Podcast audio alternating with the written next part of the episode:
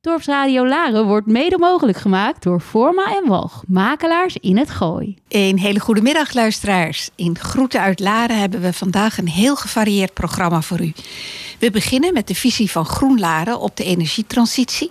We vragen ter Gooi naar de stand van zaken op de corona-afdeling en de alcoholpoli.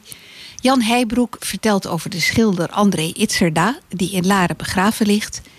De brandweer geeft veiligheidstips voor de zomerbarbecue en de oranjeversiering. Erik de Zwart vertelt over de stichting Beat the Batten. En natuurlijk duidt onze eigen straatnaamhistoricus Beb de Boer weer een straat in Laren. In de studio is voor u Erika van Dijk, Jan-Willem Borstboom aan de knoppen, Hanny Weigers Yeah. en mijzelf, Joke Kok. Hebben wij Bart Vos aan de lijn? Ja, zeker, Joke. Goedemiddag. Goedemiddag, Bart. Groen, Groen Laren is sinds vorige week een officieel opgerichte partij. Wat zijn de Ja. doelstellingen voor Laren? De doelstellingen voor Laren, ja, dat is eigenlijk om ervoor te zorgen dat we weer een, een, een, een groen, sociaal, een hecht en een heel plezierig eh, dorp gaan worden. Mooi kort samengevat, hè? Heel kort samengevat. Ik ga je nog niet vragen hoe je dat gaat doen. Dat komt vast een andere keer. Want het onderwerp van vandaag dat is de energietransitie. Want Ja. Laren moet voor 2050, net als alle andere dorpen en steden, van het gas af. En zal aan de energietransitie moeten. Nu hebben we hier Ja. heel veel grote en vaak wat oudere villa's... die moeilijk te isoleren zijn omdat het A, veel geld kost... en B, ze meestal beeldbepalend zijn... en aan de buitenkant er niet veel veranderd mag worden. Hoe moeten Laarders dit nou gaan aanpakken? Ja, kijk, ik, ik, ik, ik herken jouw vraag, eh, Joke. Want dat is natuurlijk wat, wat de wethouder gezegd heeft. Hè? En wat ook in de Gooi Nederland heeft gestaan. En ja, kijk, ik ga ook niet vragen... hoe gaan we nou toch de Sint-Jans-basiliek eh, isoleren? Het, het is niet zo kunst om, om voorbeelden te bedenken die niet kunnen. Want er zijn natuurlijk een hele hoop huizen, daar hoef je niet aan te beginnen, dat gaat niet lukken. Maar er zijn ook een hele hoop huizen die wel heel goed isoleren zijn. Eh, En daar hoor ik hem niet over. Ik hoor alleen maar zeggen wat niet kan. En dat is niet zo kunst. Je moet goed nadenken wat wel kan. En ieder huis wat je zou kunnen isoleren of wat je ehm, minder eh, belastend zou laten zijn voor, een, eh, voor het milieu, is natuurlijk puur meegenomen. Hè? En alleen die grote huizen dan opperen als argument waarom het niet kan, ja, vind ik eigenlijk een beetje flauw. Vind je niet? Nou ja, niet helemaal. We hebben natuurlijk veel grote huizen. Dat klopt ook wel. Maar er zijn ook wel kleinere huizen in Laren. En daar zijn, dat zijn vaak koophuizen. Want ik denk dat de woningbouwvereniging daar al heel veel aan doet. Eh, Zeker, maar ook die zeker. mensen, juist de mensen die in de wat kleinere huizen wonen... die hebben toch echt geen tienduizenden gul- eh, euro's om, eh, om dat daaraan te besteden. Dat hebben ze gewoon niet op de plank liggen. En Laren die heeft weinig financiële speelruimte. Dus hoe kan je dat nou aanpakken dat er toch geïsoleerd gaat worden? Nou, kijk, het begint natuurlijk, hè, en, en, en dat is een hele belangrijke, met gewoon met bewustwording. Hè, bij mensen tussen de oren krijgen dat A, het bijna onvermijdelijk is om ervoor te zorgen dat er eh, wat gaat gebeuren aan isolatie en op een betere manier omgaan met energie. Dus dat is één. En daar kan natuurlijk de gemeente een hele belangrijke rol in, spelen. Er zijn ook een aantal eh, initiatieven die in, het- in het dorp leven om mensen te informeren, om te vertellen wat er kan. Dat is één. Eh, En bovendien, kijk, dat is misschien een investering, en dat is natuurlijk zeker zo. Maar als het goed is, moet je die ook terug kunnen verdienen. En als je zegt, ja, ik heb hier nu misschien geen, eh, geen 10.000, 20.000 euro op de plank liggen. Heb ik ook niet hoor. Maar je kan er als gemeente wel over na gaan denken. Hoe zouden we die mensen kunnen helpen in, in de bewustwording? En ten tweede, dat is al in de vorige raadsperiode ook al een keertje geopperd. Om eens na te gaan denken over andere financieringsvorm. De zogenaamde gebouwgebonden financiering. En ik denk dat dat een hele hoop mensen zou helpen. Kun je daar eens iets Nog van... even los natuurlijk hè, van, van de, de, de, de- het vastgoed van de gemeente zelf. Waar al een en ander gebeurt natuurlijk. Ja, uiteraard. Maar ik bedoel, kun je daar eens iets eh, aan uitleggen wat de gemeente dan wel kan doen? Bedoel, Nou, hoe, hoe gaat de dat? gemeente kan op. Nee, maar hoe gaat dat dan concreet in zijn werk? Hè? Stel, ik heb een, eh, een hoekwoning van een rijtje. Ja. En Ja. eh, die heeft de laagste energielabel. Dat is er een uit de jaren 50 bijvoorbeeld. Ehm, Ik heb geen eh 20 of 30.000 euro op de bank liggen. En ik klop bij de gemeente aan en ik zeg van... goh, ik wil Ja. mijn huis graag isoleren. Wat voor oplossingen hebben jullie dan? Nou, de, de, gemeente eh, zou, om te beginnen, en daar, daar, is, daar is ook be- be- geld voor beschikbaar. Hè? Daar is ook, weliswaar niet een heel groot bedrag, maar er is per, per huis en per inwoner is er een bedrag beschikbaar gesteld, middels subsidie, om mensen te helpen, om ze voorlichting te geven wat ze zouden kunnen doen in hun huis. Dat is één. Dat, dat, dat is vorig jaar al bepaald. Daar zou actie op ondernomen kunnen worden. Maar Nou, wat ik al is zei, dat, Bart, Er zijn een aantal mag ik even Ja. onderbreken? Eh, dat geld wat gereserveerd is, is dat, eh, kan je dat betalen aan iemand die jou komt vertellen hoe je je huis moet isoleren? Of is dat gereserveerd voor het daadwerkelijk isoleren? Nee, dat is, dat is alleen in eerste instantie, dus de voorlichting. En ik meen dat het, maar dat moet je me niet op vastpinnen, iets van 130 euro was, wat, wat dat beschikbaar was om mensen voor te lichten en ze te helpen en in plannen te maken. Nou, dat is vanuit de, de gemeente georganiseerd. En dat heeft natuurlijk nog niks te maken met het feit hoe jij dan de, de, de spouwmuren of het dak of iets dergelijks eh, moet gaan doen. Want ja, dan heb je aan 130 euro natuurlijk lang niet genoeg. Hè? Maar dan moet je op een andere manier gaan zien hoe je dat kan gaan financieren. En daar zijn eh, wel plannen voor bedacht. En een van die plannen wat ik kan zetten, zei zojuist, heeft eh, te maken met die gebouwgebonden financiering. Nou, dat is een beetje stil komen te liggen, dat hele plan. Maar daar zou je natuurlijk wel eens een beetje energie in kunnen gaan steken. Maar wat houdt dat in, de gebouwgebonden financiering? Geef eens een Nou, voorbeeld. Ver- Vergelijk het maar met een hypotheek. Je hebt een huis gekocht en dat huis dat heeft x bedrag gekocht. Dat gekost en dat heb je geleend via de bank. Nou, dat huis, die, die hypotheek is eigenlijk aan jou gebonden als persoon. Maar je kunt ook een, een leningssysteem bedenken. Waarbij je ook een lening hebt. Maar dat die lening die rust op dat pand. Dus op het moment dat jij die lening hebt, en die betaal je af over een x-periode, maar jij verkoopt dat huis, dan blijft eigenlijk die lening, hè, die gekoppeld is aan die isolatiemaatregelen bijvoorbeeld, of aan een warmtepomp of iets dergelijks, die blijft dan bij dat huis. En degene die jouw huis heeft gekocht, die neemt dan ook die lening over. En na verloop van tijd is die afbetaald. En dan heb jij dus keurig netjes je huis geïsoleerd, een warmtepomp, zonnepanelen, noem maar op. En heb je enig idee of daar al eens onderzoek naar gedaan is? Ik bedoel, zijn de Ja, volgende wel. kopers bereid om dat over te nemen? Zo'n tweede hypotheek eigenlijk? Ja, je mag het geen hypotheek noemen, hè, maar ik, ik vergelijk het eventjes met, met een hypotheek, ook al een, lang, langer lopende lening hè, die je af kunt sluiten. Eh, daar is in de vorige raadsperiode, is met name door eh, wethouder Smit, is daar onderzoek naar gedaan. D66 heeft er ook onderzoek naar gedaan. En dat ligt een beetje stil. En dat is heel erg jammer, want dat zou best een hele mooie oplossing kunnen zijn.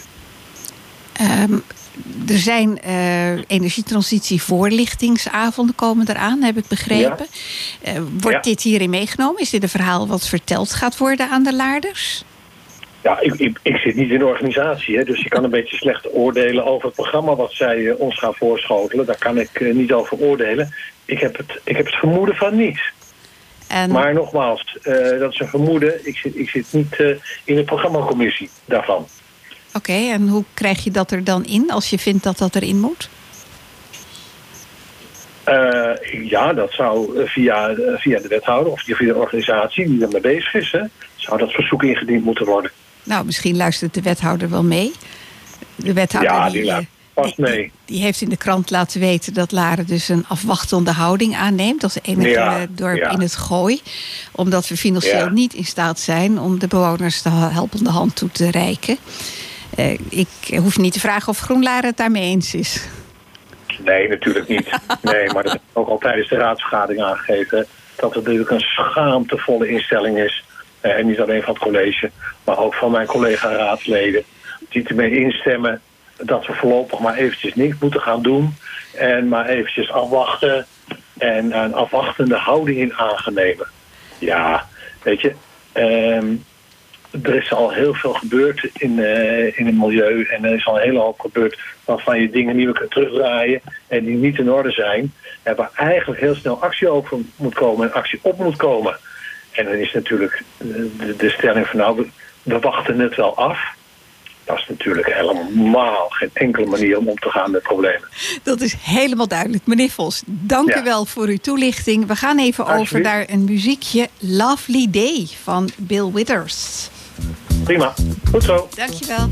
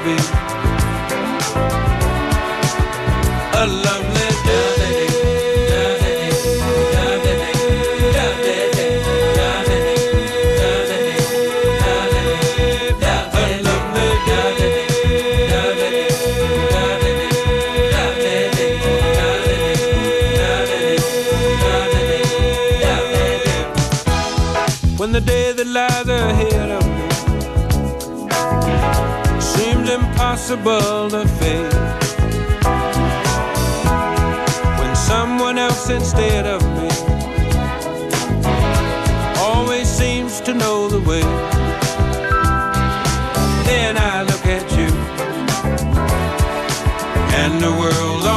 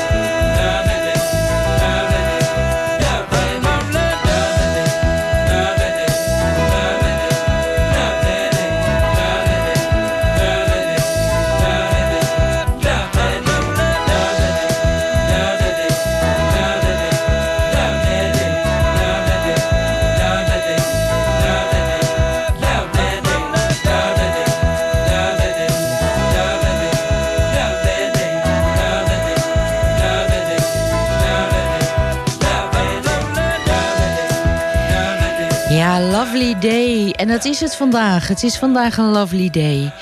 Uh, zo lekker warm. Nou, verder ga ik even door naar het korte nieuws. Uh, goed nieuws als het gaat namelijk over de dalende, het, het dalende aantal mensen dat met corona in het ziekenhuis is opgenomen.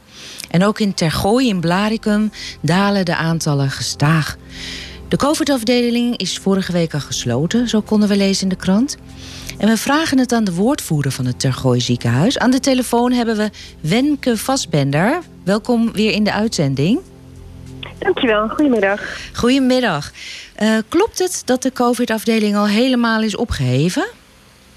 Ja, nou om eventjes uh, ook uh, meteen met de deur in huis te vallen. Onze corona-verpleegafdeling in Hilversum, waar ook de mensen, patiënten uit Blaricum natuurlijk terecht konden, die hebben we ehm, inderdaad vorige week vrijdag symbolisch kunnen sluiten. Aha. Dat betekent niet dat we geen uh, corona of mensen met uh, corona hebben. Mm -hmm. Die hebben we uh, ja, helaas nog wel, maar nog, nog enkele.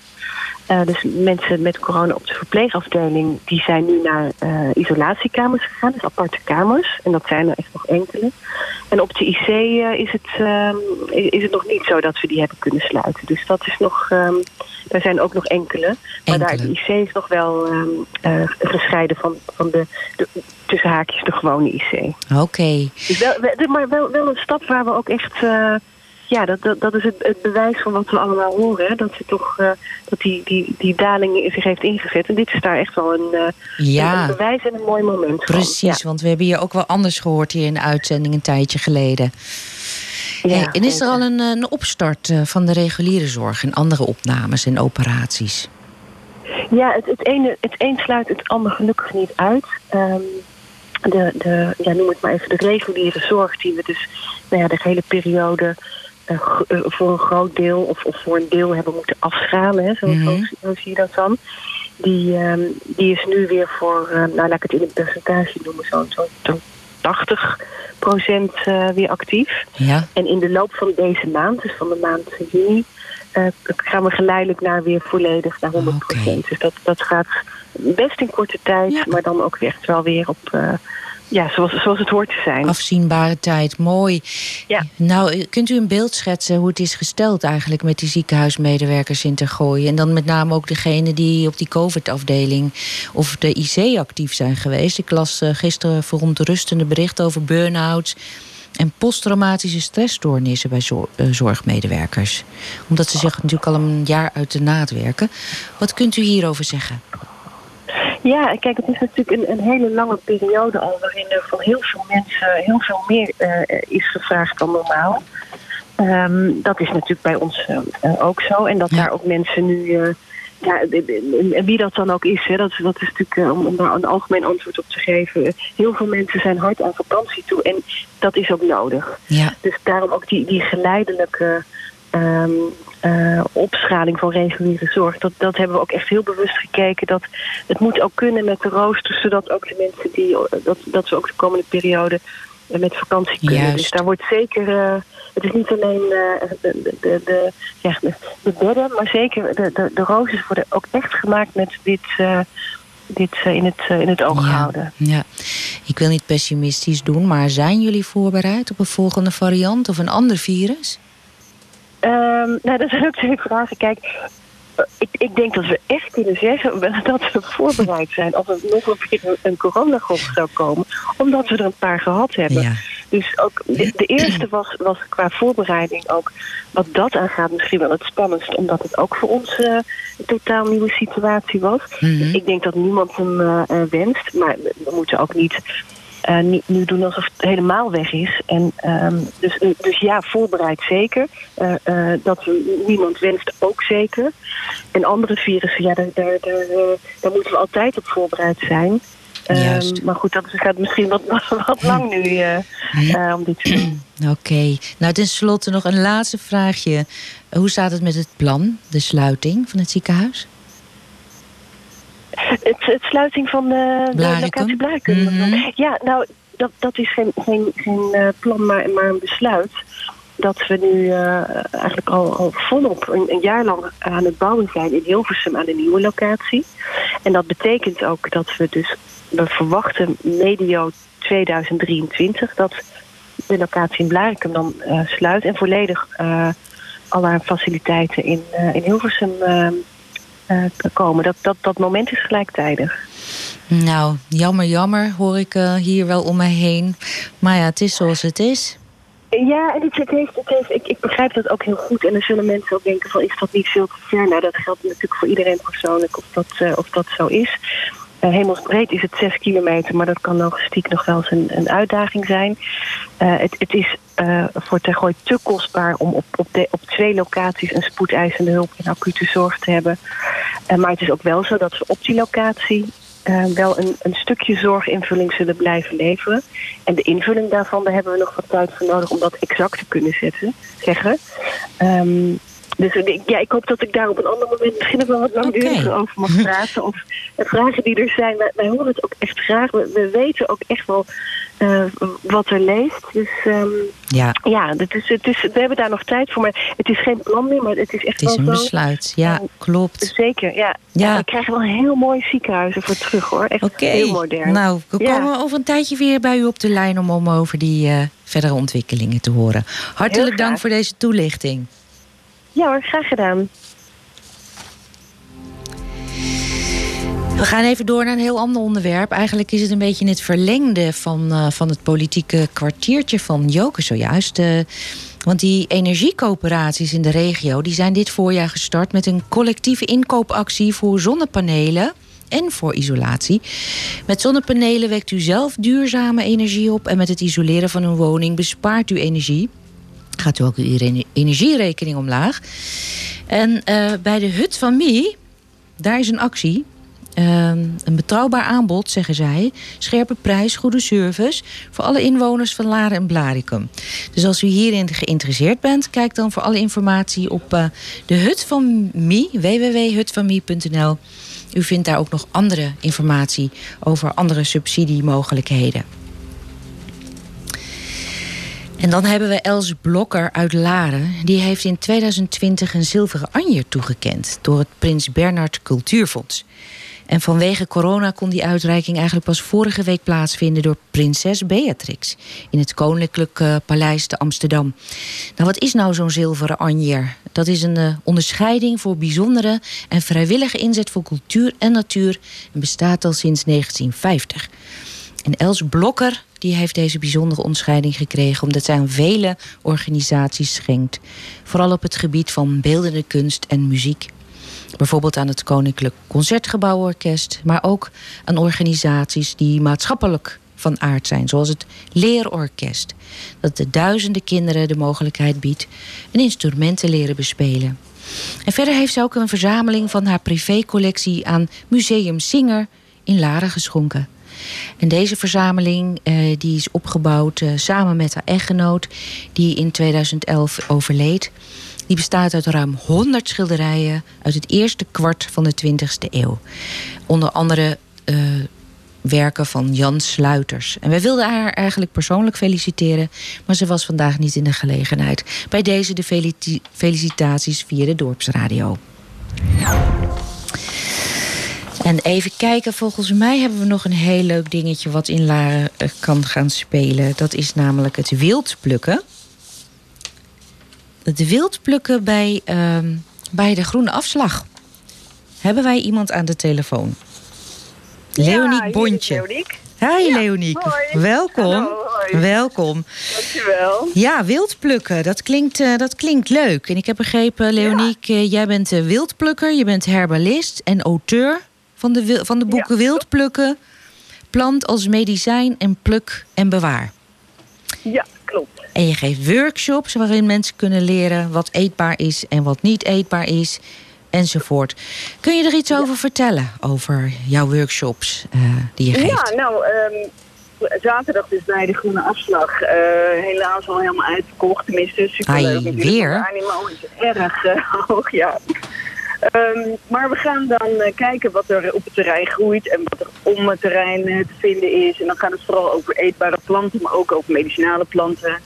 En eh, we beginnen bijvoorbeeld met een brandnenkel en een paardenbloem en een weegbree. Maar we hopen natuurlijk ook vlierbloesems te vinden. En misschien nog een restje dasloop, maar ik weet het niet zeker. Ehm, maar in ieder geval genoeg om lekker te proeven. En ehm, ja, en ik ga er heel veel over vertellen natuurlijk.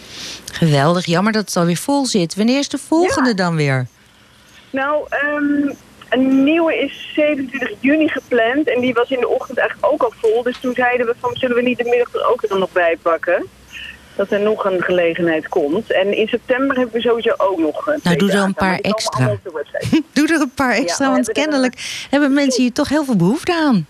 Ja, ja, het is ook echt heel leuk. Want eh, we geven ook workshops eh, in Muidenberg bij eh, mijn collega en ik.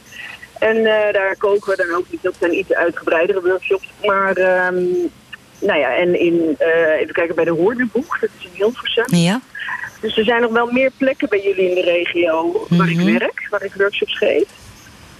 Dus ehm, ja, en uiteraard privé-workshops. Dat Ja. is ook een mogelijkheid. Oh, dat kan ook altijd. Oké. Ja. Nou, super. Ehm, wij gaan Ja. gewoon even kijken op eh degroeneafslag.nl voor het eh, nieuwe programma. Bedankt voor de toelichting. Ja, en trouwens op mijn eigen website www.buitenkeuken.nl kunnen jullie ook Buitenkeuken. informatie vinden. Dat klinkt mooi. Hartelijk dank. Hartelijk dank. Leonie. En tot ziens. Dag. Nou, even heel kort nog in de- wat er allemaal te doen is in Laren. Geologisch Museum Hofland is weer open. U kunt er kennis maken met ertsen, metalen... en daardoor ook inzicht krijgen in het belang van metalen voor de economie en energietransitie. En om hier aandacht voor te genereren... kunnen bezoekers hun gebruikte mobieltjes in het museum inleveren.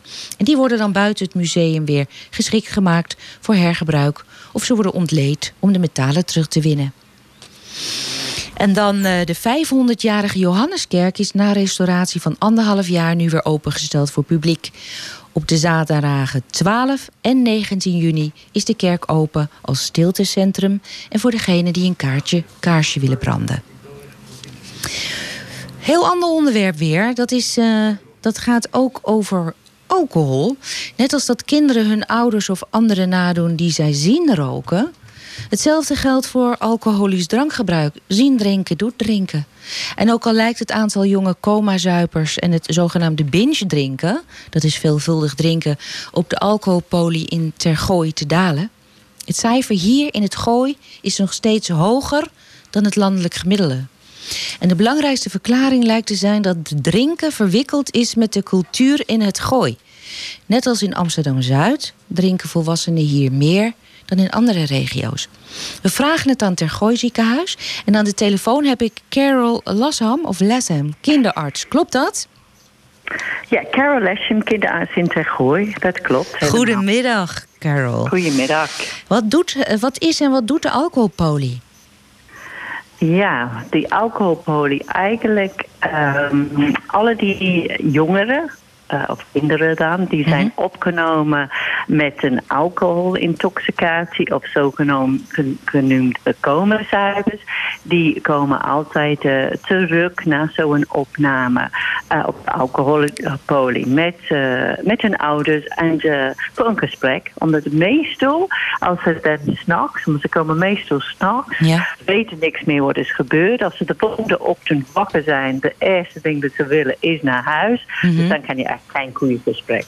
Uh, iedereen is vreselijk geschrokken. En dan uh, op de alcoholpolie samen met uh, preventiemedewerkers van de Jellinek gaan we in gesprek met de ouders en die jongeren. Ja, kunt u een inkijkje geven over hoeveel mensen of jongeren daar nou per jaar terechtkomen? Nou, ik heb het, uh, we zijn dit begonnen in 2011. Ja. En dat kwam eigenlijk omdat toen, en dit is landelijke toename uh, van opnames van deze jongeren met uh, coma-cijfers, alcoholintoxicatie. In 2011 mm-hmm. waar hadden wij 52 opnames per jaar. Dat is één per week. Nou, Poeh, dat vonden we dat echt veel. heel veel.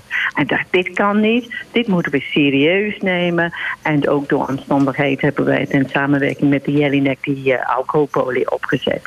Um, en dat is ook rond de tijd dat er ook heel veel aandacht landelijk, landelijk Nico van der Lely, dat is een kinderarts uit Delft, heeft ook heel veel uh, aandacht daarvoor. En hij is ook heel, bezig met die leeftijd waar je mag drinken van 16 tot 18. Dus uh, toen zijn we ook daarmee. En dan wordt we zag in de loop van de jaren daarna dat het nam af. Mhm. Nou, dan uh, 30, 30, 36. Dan werd het altijd rond 26 per jaar. Nou, de helft. Maar wat is wel een heel uh, bijzondere um, ontwikkeling is tijdens corona hebben we de maar 18 opnames, hartstikke goed, in de Mhm. hele uh, 2020. Dus het fors afnemen. Ja. Ja. Mag ik nog even vragen wat voor leeftijden zijn dat bijvoorbeeld die opgenomen worden? Ja, nou, de jongste is, wel, op de kindergeneeskunde is het tot de leeftijd van 18. Uh, dus alles boven 18 uh, hebben wij niks ermee te maken. Ja. De jongste patiënt dat we hebben ooit gehad was 12. Ja. Maar de gemiddelde leeftijd is rond 15,5. Ja. Ja. eind 15. Ja. Want dan, hoe zit dat met die borrelcultuur in het gooien in Laren? Wat moet ik me daarbij voorstellen? Dat, ja, je ziet, ziet iedereen natuurlijk al uh, s middags aan de lunch, aan de dranken, aan de borrel uh, voor het eten. Bonte paard staat helemaal vol. Nou, kinderen zien dat. Wat is dat effect op kinderen?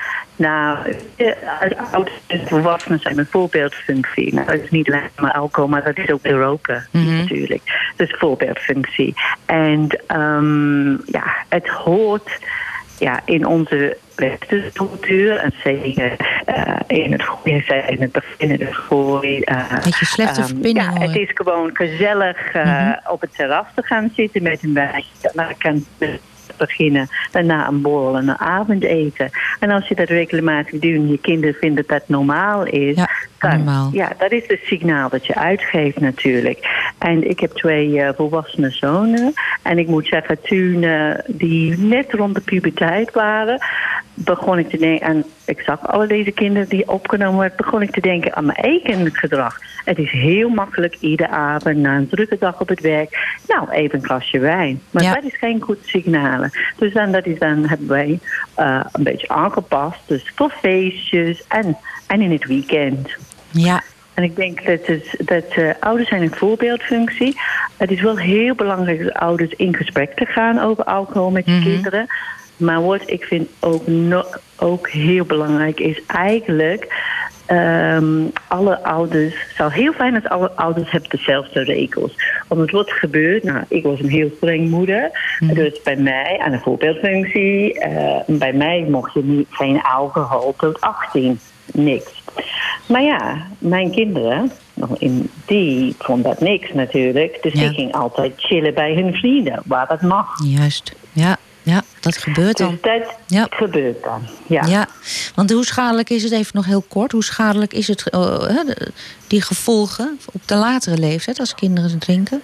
Nou, weet je, daar is eh, verschillende onderzoek over dat eh, als je chronisch drinkt op een jonge leeftijd, kan je eh, een langdurig schade. Dat, precies hoe dat zit is niet helemaal on, duidelijk. Maar wat is wel belangrijk, en dat weten we zeker, de eerder je begint met drinken van alcohol, de Ja. meer kans dat je hebt een alcoholprobleem later. Ja. Maar ook Mm. natuurlijk in het gezin zin waar je eerder drinken, misschien die ouders drinken ook meer en hebben ze ook dat gevoeligheid voor verslaving. Ja. Dus ehm, en natuurlijk dat hersen is aan het ontwikkelen. Dus en alcohol is gewoon gift eigenlijk. Ja, Maar wat, dat heeft geen effect op een puber. Dus het heeft nul zin daar over lange termijn te, eh, gevolgen te praten. Ja. Omdat voor een puber, weet je zelf, ze leven in het hier en nu. Ja. Dus ehm, dan heb ik me- het met mijn praatjes eh, over eigenlijk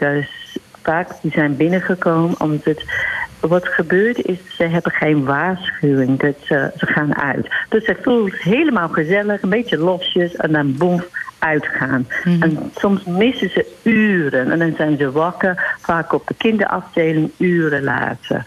En wat ik zeg is ook dat weet je, in het moment eh, dat dat gebeurt, kan van alles wat gebeuren. Het kan gevaarlijk natuurlijk. Je kan van je fiets vallen in het water. Eh, als meisjes eh, onder beïnvloed van alcohol hebben, ze missen in seks. Nou, misschien ga je naar bed met een jongen dat je niet leuk vindt. Ja, Jongens werden achteraf. heel agressief. Ja. ehm, daarvan. En natuurlijk tegenwoordig, dat, omdat iedereen heeft eh, mobiel waar je kan foto's en filmpjes maken. Ook dat nog, het ja. kan gewoon allemaal op social media. En je wil dat niet hebben. Absoluut en dat ja. is echt, dat komt binnen bij die jongeren. Omdat denk ja, nee, dat wil ik niet. Dat ik willen we niet. Nee, nee. Nou ja, die corona kan ik me nog voorstellen. De cafés waren dicht, dus die cijfers omlaag.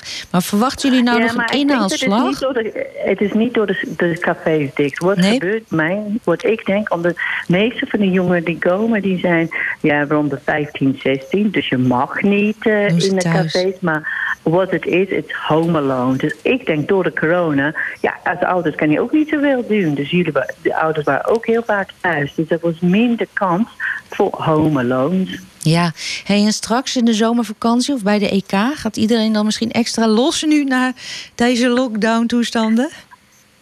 Wie weet. Maar ik denk dat ook eh, we hebben minder gezien, maar ik denk, wij zien de tip of the, van de iceberg. Dus wij zien meestal Ja. eh, die kinderen die niet echt drinken, die hebben uitgeprobeerd en het is totaal fout gegaan. Ja. Met sterke drank. Maar je hebt nou, jongens, de meisjes ook, maar met name jongens die ieder weekend 15 tot 20 biertjes drinken. Ja. En die zijn die eh die hard. Die zien we niet, want we zijn het gewend. We zijn het gewend. Nou, ontzettend interessant om te horen. We kunnen nog heel lang praten, maar we moeten weer door. Ja. Hartelijk dank voor het gesprek. Succes Goed. met uw werk. Oké, dankjewel. Dag. Dan nu een heel ander onderwerp. De schilder André Itzerda leefde in de eerste helft van de vorige eeuw en kwam op zijn zwerftochten ook naar het Gooi. Hij ligt in Laren begraven. Samen met de heer Jan Heijbroek ben ik naar zijn graf gegaan voor een korte reportage over deze schilder. We staan hier op de algemene begraafplaats in Laren bij het graf van André Itzerda. Hij leefde van 1879 tot 1952. De heer Jan Heijbroek is secretaris en penningmeester van de Itzerda Foundation over de kunstenaarsfamilie. Meneer Heijbroek, André Itzerda is hier in Laren begraven, maar hij kwam niet uit Laren. Kunt u ons iets over de familie vertellen? Ja, An- André Itzera heeft gezworven zijn hele leven lang. Tussen voornamelijk Drenthe en daar eh, specifiek Meppel, eh, Brugge en het Gooi. Heeft ook even in Laren gewoond. eh, maar had ook veel contact met sommige van de Larense schilders. Schulman was bijvoorbeeld een vriend van hem. Schulman is ook nog op mijn huwelijk met de kleindochter van André geweest. En heeft mij daar nog een schilderij van hem gegeven. Wie was André Itzerda? Het is een schilder. Wat voor schilderijen schilderde hij? Wat was zijn stijl? Hoeveel heeft hij er gemaakt? Onbekend hoeveel hij er gemaakt heeft, want al zijn werken gingen er rechtstreeks naar particulieren. Eh, en hij was, een, nou zoals hij ook gezworven heeft, ehm, eh, hij was zeker niet de man om eh, een ad- administratie bij te houden van wat hij gemaakt had en aan wie hij het verkocht had enzovoort. Eh, het, het was een, ja, het- iemand die een hele eigen stijl heeft. Als je zijn werk ziet, herken je dat onmiddellijk. Eh, en ehm, ja, hij, hij, hij zwerft wel in de buurt van de Larense school, maar toch, toch weer anders. Ehm, hij heeft vrij veel, wat veel mensen vinden, donkere werken gemaakt. Hij deed veel in houtkool eh, en met krijt, eh, maar ook, ook veel in, in olieverf. eh, eh, maar heeft heel veel ja, werken die, waarvan ik ook het bestaan niet ken. Maar vanuit de stichting ben ik bezig geweest om te inventariseren en ook in contact te komen met eigenaren van werken van hem. Die mij ook weten te vinden via de website. Is er nou een tentoonstelling, bij die verplande tentoonstelling te organiseren over zijn werken? Haalt u die dan bij particulieren vandaan? Nou, eerst te beginnen, ja, er komt op 3 juli een tentoonstelling van zijn werk in Meppel, in het Stedelijk Museum in Meppel. Gaat een half jaar eh, in beslag nemen. En de intentie is, samen met het museum in Meppel, om eh, twee jaar daarna, dus in eh 23, om dan een tentoonstelling te doen van alle vijf de Itzerda's. Want het is een, een familie. In 1998 hebben we in Groeneveld zo'n tentoonstelling gehad van de vijf Itzerda's. Dus 25 jaar later is het mooi om er weer een te doen. Komt het ook nog in zingen? Het Singer heeft twee werken die ook in Meppel te zien zullen zijn. Het, de gemeente Laren heeft een werk. Die heeft heel lang in de trouwzaal gehangen. Die komt ook in Meppel te hangen. Dus, eh, maar verder is het ja, van het Drents Museum. Het Drents Museum heeft veel werken eh, die allemaal aan het Drents Museum geschonken zijn... door de zoon van André, door Sjaak, mijn schoonvader. En als ik nou een schilderij zou willen kopen van hem... moet ik dan de hoofdprijs in de staatsloterij winnen? Of is het nog niet zo erg? Nee hoor, eh, dat, dat, dat varieert. Eh, als ik ook kijk naar de, de taxatiewaardes, dat kan enkele honderden euro's zijn. Hè, dan weer drie, vier, vijfhonderd tot misschien 2000. Hè, als het dus echt hele bijzondere werken zijn. En hoe komt het eigenlijk dat hij hier in Laren begraven ligt? Ja, dat zou eigenlijk mijn eh, schoonvader moeten vragen, maar die leeft niet meer. Eh, ja, waarom? Eh, toch een beetje zijn connectie met, met Laren. Hij heeft bijna nergens wortel geschoten. Is redelijk veel in Meppel geweest. Daar hebben we zelfs een weg naar hem vernoemd. Eh, omdat hij gezien wordt toch als een van de oprichters van de, de Meppelse schilders. Maar goed, ja, waarom hier toch de link, denk met het, het Schildersdorp. Juist, meneer Heijbroek, dank u wel. Is er nog iets wat u kwijt wilt over de website? Of denkt u dat de laarders naar Meppel moeten? Beide, de www.itzelafoundation.nl, daar kunnen ze meer lezen. En eh, nou ja, het Stedelijk Museum in Meppel is zeker waard om een keer naartoe te gaan. Dank u wel. Deze week wordt er een digitale collecte gehouden voor de stichting Beat the Batten. Erik de Zwart is ambassadeur. We hebben hem aan de telefoon. Klopt dat? Ja, Ja? dat is eh, correct. ik zit lekker in het Larische zonnetje. Heel mooi. En, eh, en ik, ik hoorde het vorige interview ook. En eh, ja, nee, dat klopt. Piet Betten, dat is de stichting eigenlijk waar we het allemaal voor doen. Betten, dat is de naam van de ziekte waar we het over hebben. Betten is een, eh, een stofwisselingsziekte. Eh, we kennen dat ook, eh metabole ziekte. We kennen dat ook van de, van de stichting Metakids. Dat is een soort van overkoepelende organisatie die probeert aandacht te krijgen voor kinderen die lijden aan metabole aan stofwisselingsziekte. Maar daar zijn er nogal wat van. Om precies te zijn meer dan 600. Eh, en het zijn over het algemeen binnen die ziektes zijn het nooit zoveel heel erg veel kinderen die, die, die, die, ziektes hebben, die metabole ziekte. Maar de som van het totaal aantal kinderen wat een metabole ziekte heeft, dat gaat bijvoorbeeld het aantal kinderen wat, eh, wat kanker heeft te boven. En eh, ja, met deze collecteweek proberen we A, wat meer aandacht voor, voor die metabole ziektes, voor ziekte als Betten te krijgen. En B, simpelweg geld op te halen, omdat ja, dat er zo weinig kinderen zijn eigenlijk die aan deze ziekte lijden, wordt er relatief weinig onderzoek gedaan. Zeg maar gewoon eigenlijk helemaal niks. En daar moet verandering in komen. Juist, en de ziekte van Betten, waarom bent u nou juist ambassadeur van deze ziekte? Wat doet Nou, ik Betten nou dat- precies met nou, kinderen? Betten is een. eh, ja, wat, wat er aan de hand is met Betten is dat eh, die kinderen die daaraan lijden, die, die, hebben een, eh, die bemaken een, een bepaald enzym niet aan. En dat enzym dat moet er juist voor zorgen dat de hersencellen worden schoongemaakt, dat het, de afval eigenlijk uit die hersencellen wordt afgevoerd en dat het lichaam uitgaat. Dat gebeurt niet of dat gebeurt niet goed. En dat openbaart zich bij kinderen pas als ze een jaar of vier, vijf zijn. Dus ze worden gewoon compleet gezond geboren. Geven geen enkel signaal dat ze iets hebben of dat er iets afwijkend is of wat dan ook. Maar als ze vier, vijf jaar, zes jaar worden, dan kan daar zo ineens een eh, storing optreden. Eigenlijk doordat die hersencellen vervuild, zou ik maar zeggen, zijn geraakt. Nou, dat, dat kan zich, eh, en dat doet het bij betten, eh uitzicht dat in blindheid. Een kind kan zomaar binnen een paar maanden zijn zicht verliezen en eh, bijna helemaal blind worden. Eh, en, en vervolgens wordt dat kinderdementie. Eh, krijgen ze last van epileptische aanvallen en ze worden ook niet ouder dan 20 tot 25 jaar. En dat is natuurlijk een diep, diep triest verhaal. En als je zelf vader bent van twee gezonde kinderen, dan, eh, dan eh, voel je natuurlijk ongelooflijk meteen mee als een vriend van je blijkt eh, een zoon te hebben. eh, en die dan met deze ziekte behept is. En dat is de reden waarom ik ambassadeur geworden ben. kan ik me heel goed voorstellen. Ja, ik werd tien jaar geleden werd ik door die vriend opgebeld. En nou, zij topte al een tijdje met zijn gezondheid. En eh, ze waren op wintersport geweest. En eh, de arme jongen die liep eh, in het hotel waar het een beetje donker was. Overal tegen de stoelen en de tafels aan. Nou, misschien moet hij een bril hebben. En van het een kwam het ander. En een half jaar hebben ze over de diagnose gedaan. En toen bleek dat hij betten had. En dat hij eigenlijk al, ja, met kerst was hij nog, kon hij nog skiën. En in september zat hij op de Beat Jeetje, Zo snel ging dat. jeetje. En Ja. zijn er nu überhaupt al iets van medicijnen die dat kunnen vertragen? Of is nog helemaal Er niks? zijn- Nou, er is wereldwijd, het was ook, eh, gisteren was het eh, wereldwijde Betten Awareness Day. Hè, dat is natuurlijk een mooie term ervoor, maar het, eigenlijk wereldwijd is het vrij weinig. Maar er is een kliniek in Hamburg. En die doet onderzoek naar dit soort eh, meta- metabole ziektes, dit soort stofwisselingsziektes. En die zijn onder andere er dus achter gekomen dat er een enzym niet aangemaakt wordt. Nou, dan zou je denken, is heel simpel. Dan gaan we gewoon kijken welk enzym dat is. En dan, voeren we, nou, dan geven we de kinderen eigenlijk dat enzym. Dan zou het opgelost moeten zijn. Het vervelende is dat de kinderen dan vervolgens afweerverschijnselen krijgen. Eh, het, het, het menselijk lichaam zit vrij ingewikkeld in elkaar. Dus als je iets van buitenaf erin stopt, dan wil dat nog niet meteen zeggen dat het lichaam dat ook meteen accepteert. En dat ook meteen eh, op, op zich neemt. Nou, eh, dat is een proces en dat moet onderzocht worden.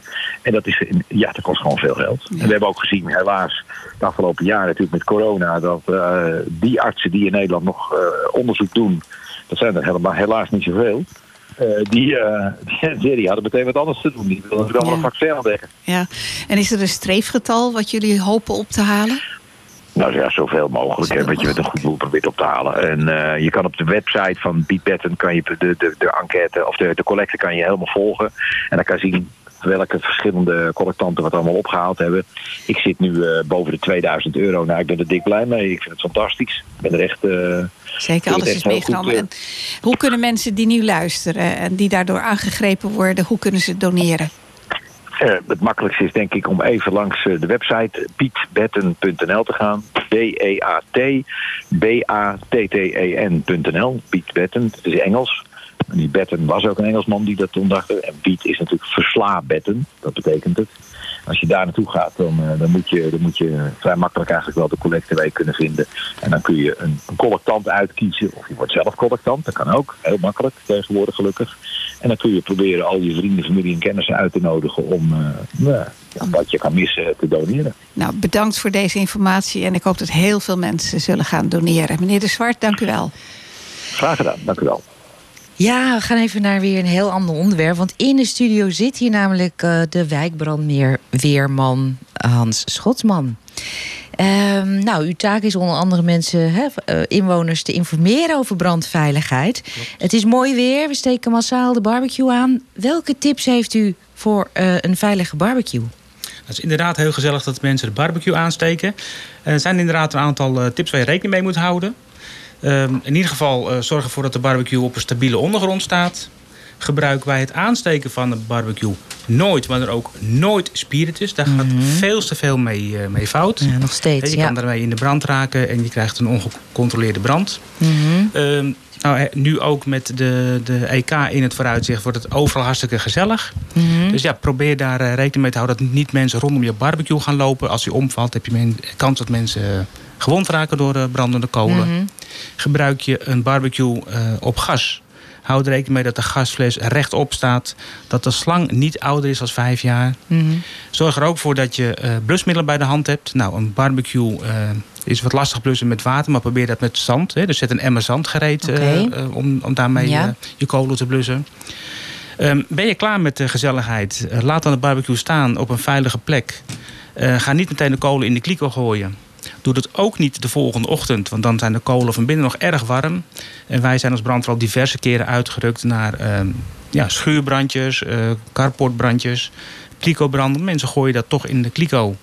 terwijl de koolresten nog branden. En vervolgens uh, staat de boel in de fik. Ja, ook onlangs dus nog. Ja, onlangs ook nog. Ja, gebeurt nu ook veel. En ik had net met iemand anders over. Uh, gebeurt nu ook dat uh, jonge lui gezellig, vooral in Amsterdam, op hun dakterrasje een barbecueetje aansteken. Die kopen zo'n goedkoop ding bij een bekende supermarkt. Ja. Zetten dat op hun dakleer en steken de barbecue aan. En vervolgens gaat een onderkant de dakleer in de fik. gisteren nog in Bussum gebeurd overigens. Ook nog. Ja. ja. Um, hou ook kleine kinderen en huisdieren uit de buurt van je, van je barbecue. Die kunnen, een hond kan met zijn staart de ding omtikken. Ah. Ja. Kinderen kunnen gewond raken. Nou, mocht het onverhoopt fout gaan, mensen hebben brandwonden, direct koelen, minimaal 10 minuten. Uh, zet iemand onder een lauwe douche, niet onder een koude douche, want dan mm -hmm. raken ze onderkoeld. Mm -hmm. Is er geen water in de buurt, heb je een vijver of een sloot, water is water. Koelen is het allerbelangrijkste. Koelen. Koelen, koelen, koelen. Koelen, ja, koelen, koelen. Niet er iets opsmeren? In eerste instantie niet. Het moet echt uh, goed gekoeld worden. Daarna kan je uh, een zalf gebruiken eventueel. Dat is boegumzalf. Maar zie je dat de brandwond dermate groot is... neem even contact op met, met de gooi. Ja. Voor ja, eventueel nader overleg of je wel of niet opgenomen moet worden. Ja, nou goede tips. Super. En kunt u ook iets vertellen over veilige oranje versieringen voor het EK? Want het ja. schijnt ook nogal een, Klopt. een gevaarlijk dingetje te zijn. Ja, ja we beginnen nu. Hè. Van het weekend begint de daarom, EK. Daarom, We zien al heel veel straten versierd. Hier ook in Laren? Eh, ook al, ja, begint Oh, inderdaad. toch? Ja, ja, maar let vooral op met, eh, met oranje versiering. We zien eh, vooral op de televisie ook prachtig versierde huizen. Er zijn wedstrijden uitgeloofd. Mensen beplakken hun huis met grote oranje zeilen. Ja, dat is super brandbaar. En ja, oneerbiedig gezegd, je krijgt daar het Volendam-effect mee. Plastic zeilen in de fik steken krijg je druppelvorming. En met ongelooflijke zere verwondingen. En ja, dat moet je niet willen. Dus als je versiering aanschaft... Let erop dat er een kemakeur op zit. Ja. Hang het hoog genoeg. Ga je de straat versieren minimaal 4,20 meter. Zodat de vuilnisauto, de brandweerauto en de ambu eronder door kunnen. Ja. En let met elkaar op dat je dat gewoon eh, veilig eh, ophangt en gebruikt. Ja. Dus koop geen brandbare versiering. Heb je nog oude spullen liggen van een vorige keer? Ja, helaas, doe dat weg. Of kijk even of er een kemakeur op zit. Maar wees daar wel heel voorzichtig mee. KEMA-keur, dan is het goed. Correct. En geldt, Oké. geldt ook voor de elektrische snoeren die we gebruiken voor wellicht een televisie. Nou, super. Eh, we komen er nog vast wel weer een keer op terug. Voor nu ontzettend bedankt, eh, meneer Schotsman. Ja, graag gedaan. Want de volgende gast staat alweer in de studio. Meneer Beb de Boer, onze eigen historicus en laarder in hart en nieren. Vandaag gaat het om welke naam, meneer de Boer, welke straatnaam gaat u duiden? het Van Erf Dorispark. Even de microfoon goed zetten, dat is hem. Daar is Hanny voor. Het Van Erf Dorispark. Juist, nou, steek van wal. Nou ja, op het terrein van, de, van voorheen de voetbalclub LFC... aan de Smeekweg Postillon... Dat, het zogenaamde postillon... daar vinden we de namen van verschillende architecten. Eén daarvan is het Van Erf Dorispark... genoemd naar de Larense architect... Jan Frederik van Erf Dorens. Hij werd geboren in 1904 in Amsterdam en overleed in Frankrijk in 1994. Hij was getrouwd in ne- 1930. In 37 vestigde het gezin zich in Laren en ging wonen aan de Van Beverlaan. De woning die hij zelf had ontworpen op nummer 15. In diezelfde rij woningen aan de onevenkant staan ook wo- woningen van, eh, van Ervendorens. En hij ontwierp ook de villa De Zeven Sparren aan de Hartniebreglaan. En een houten landhuis aan de Vredelaan. Ook rond de Jagersweg bouwde hij nog 46 woningen. En verder heel veel woningen, villa's en landhuizen in het Gooi en erbuiten. In 1959 ontwierp hij een poort voor de Sint-Jansprocessie in de Sint-Jansstraat. Ook was Van Ervendorens een verwoed golver. En hij was lid van de vereniging De Papegaai. En voor deze vereniging ontwierp hij weer de decors. Op 25 augustus 2004 heeft het college van BMW van Laren besloten om deze straat, het Postillonplan, in het po- po- Postillonplan het Van Ervendorenspark te geven.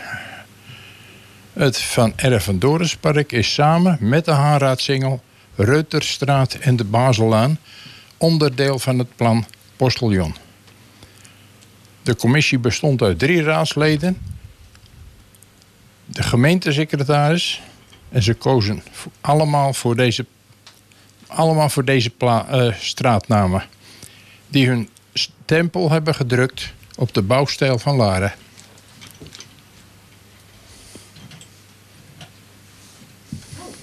Blijf stil. Blijf, bleef even stil hier, de microfoon stond uit.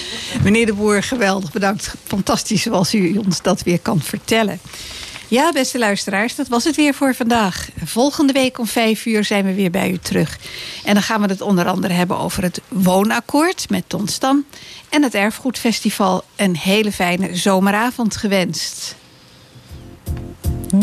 Ja, we sluiten nog even af met Happy. Pharrell Williams.